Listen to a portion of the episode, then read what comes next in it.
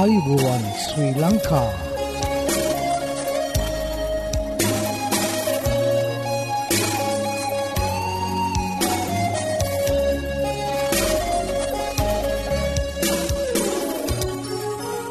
ඔබට සුපදස මේ ඇඩවෙන්ටිස් වර්ල් රේඩියෝ බලාපොරොත්වය හඬයි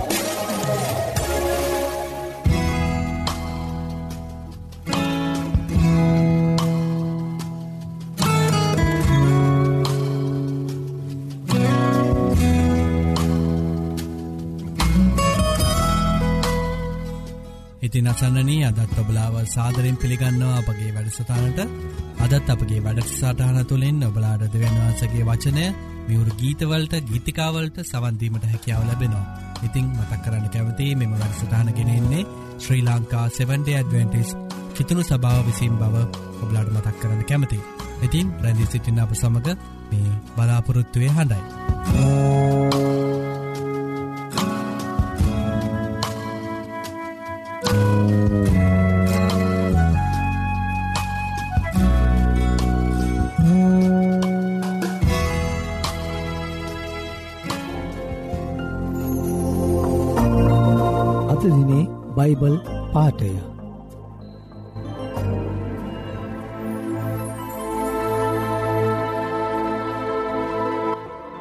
හිතෝපදේශය හත්වන පරිච්චේදය එකේ සිට තුන දක්වා.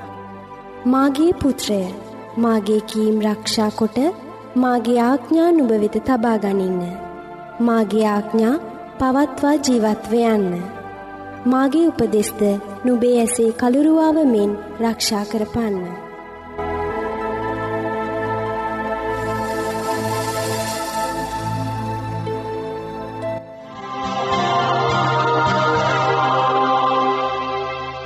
ඔබ මේ රැදි සිටින්නේ Sri Lanka Adventist World Radio බලාපොරොත්තුවය හඬ සමඟයි.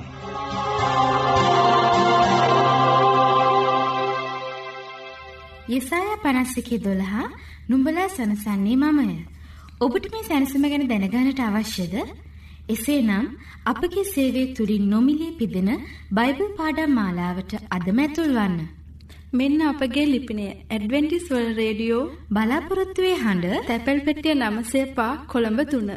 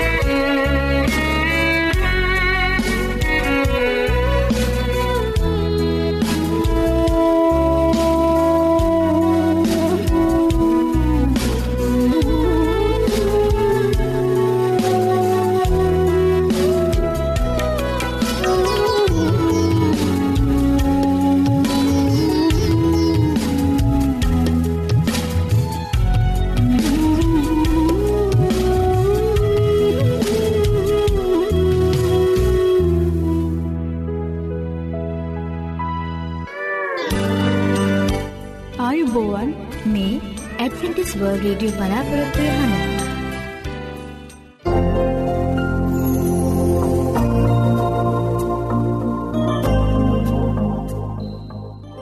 ඉතින් හිතවත හිතවතිය දැන් ඔබට ආරාධනා කරනවා අපහා එකතු වෙන්න කියලා අද දවසේ ධර්ම දේශනාවට සවන් දෙන්න.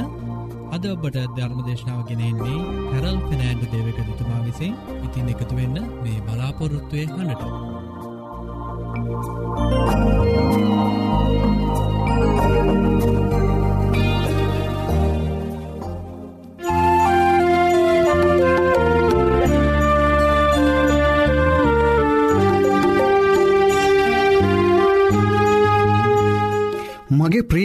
දූදරුවනි අදදින ඔබ මම අමතන්න යන මාතෘකාව තමයි. ජෙසුස් ක්‍රිස්තුස් වහන්සේ ඔබගේ ප්‍රේමය කියලා. තේමාව ඇවිල්ලා මේක දෙව පොරුන්දුවක්. බයිබලයේ ප්‍රධාන බයිබල් පදය වසයෙන් මම ගන්නව යොහන් පොතේ තුන්වෙනි පරිච්චේදය දාසයවැනි පදය. මෙන මේ ප්‍රේමය ගැන කතා කරද්දී බොහෝ දේ කතා කරන්නට පුළුවන්.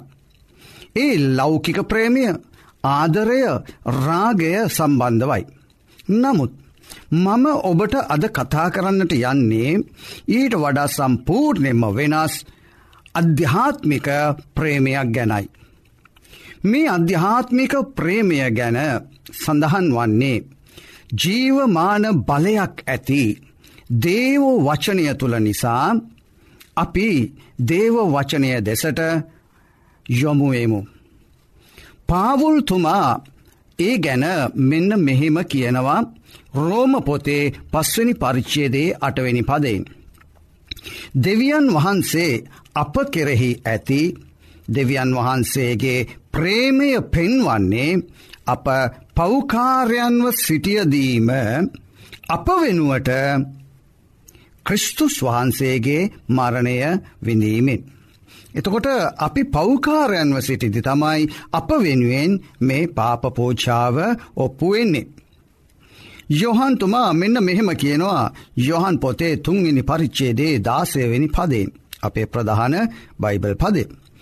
දෙවියන් වහන්සේ ස්වකීය ඒක ජාතක පුත්‍රයාණන් දෙන්න තරමටම ලෝකයාට ප්‍රේම කලා ලෝකයාට ගැන්නේ ලෝකේ ජීවත්වන සියලූම මනුෂ්‍යයින්ට.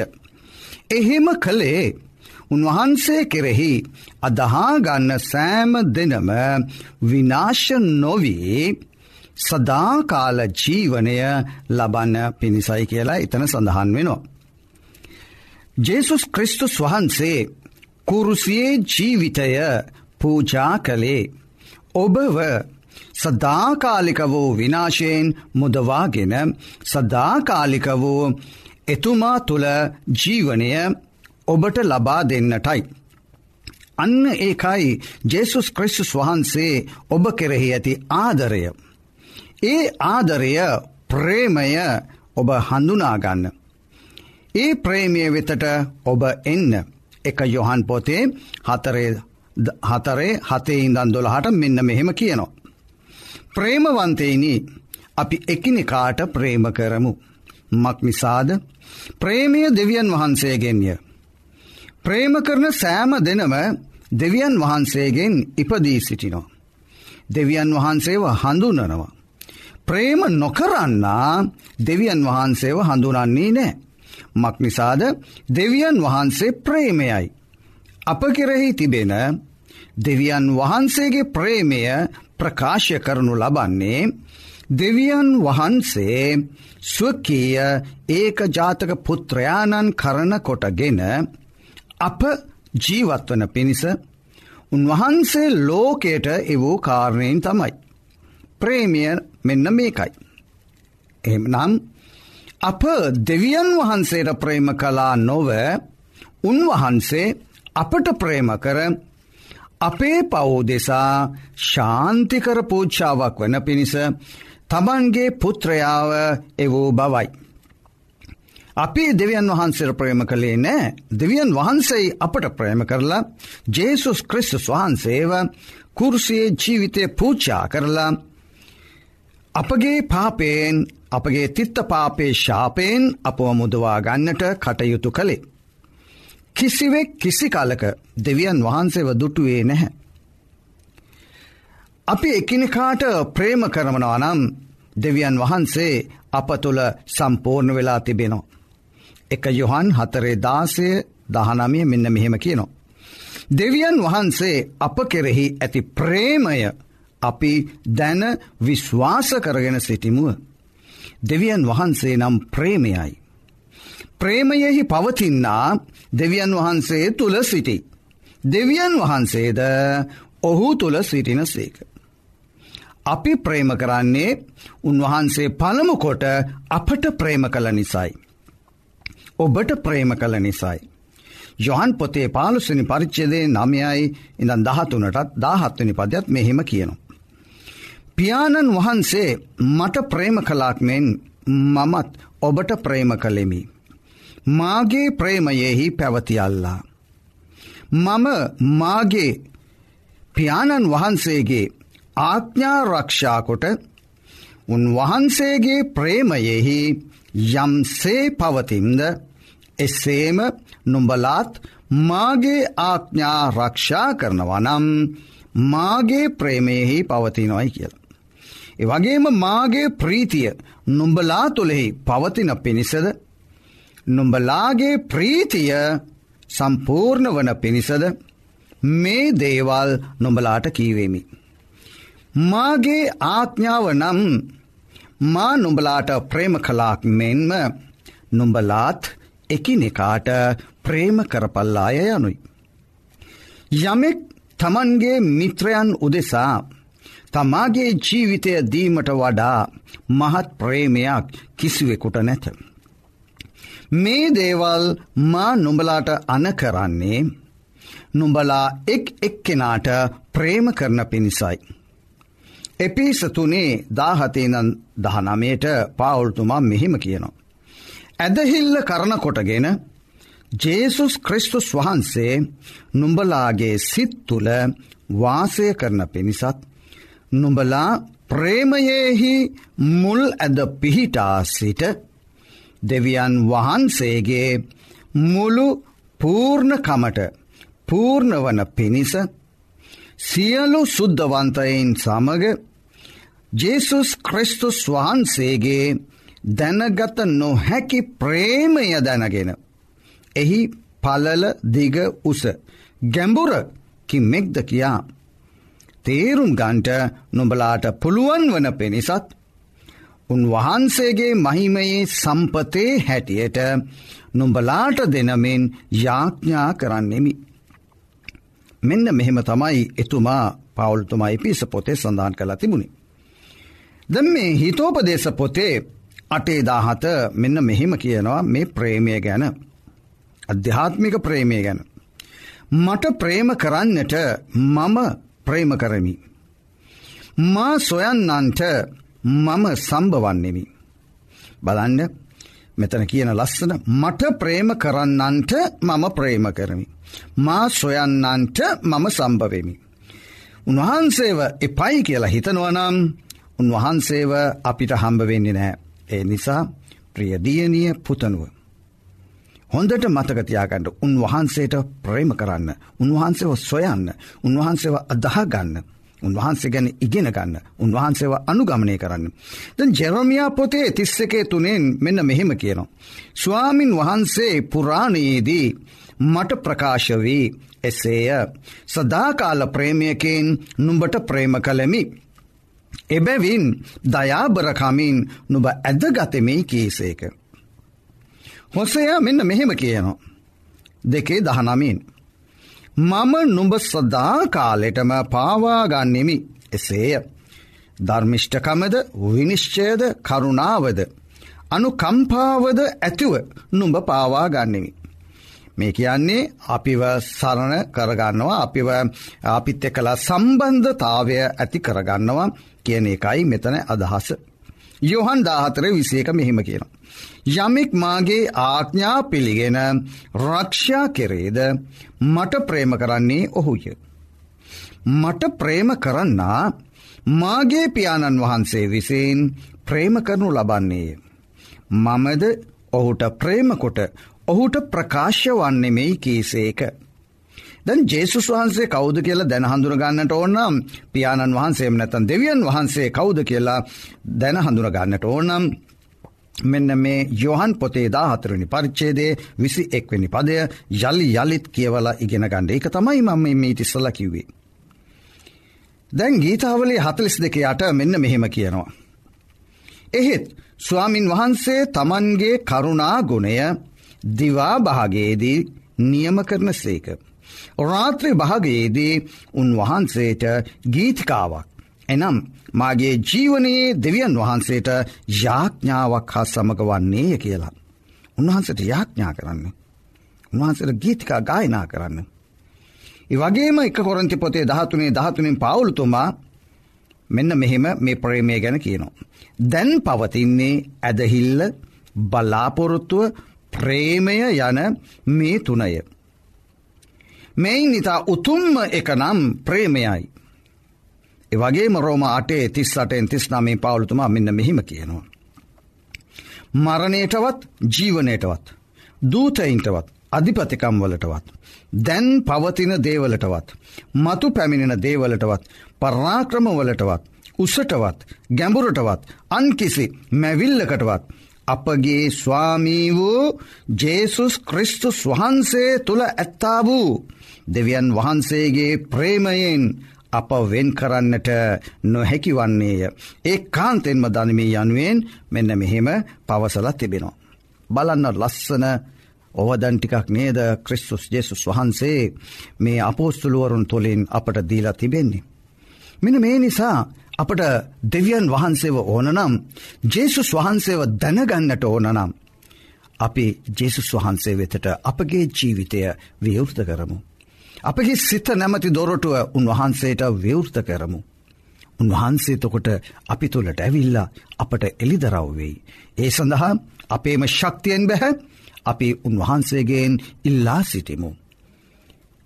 ආදරණීය දෙවිපාණනි ඔබ වහන්සේට නමස්කාර කරමින් ඔබහන්සේගේ පුත්‍ර වූ ජෙසුස් ක්‍රිස්තුස් වහන්සේට ස්තුති ප්‍රසංසා කරමින් අපට ප්‍රේමිය දැක්වූ නිසා අපට දීතිබෙන්නාව ශුද්ධාත්මයන් වහන්සේගේ මඟ පෙන්වීම යටතේ ඔබ වහන්සේව අපගේ සිත තුළ අපගේ ජීවිතය තුළ අපගේ චරිතය තුළ තබාගන ආරක්ෂා කරගන්නට අපට ශුද්ධාත්මවරම් ලබාතුන මැනව.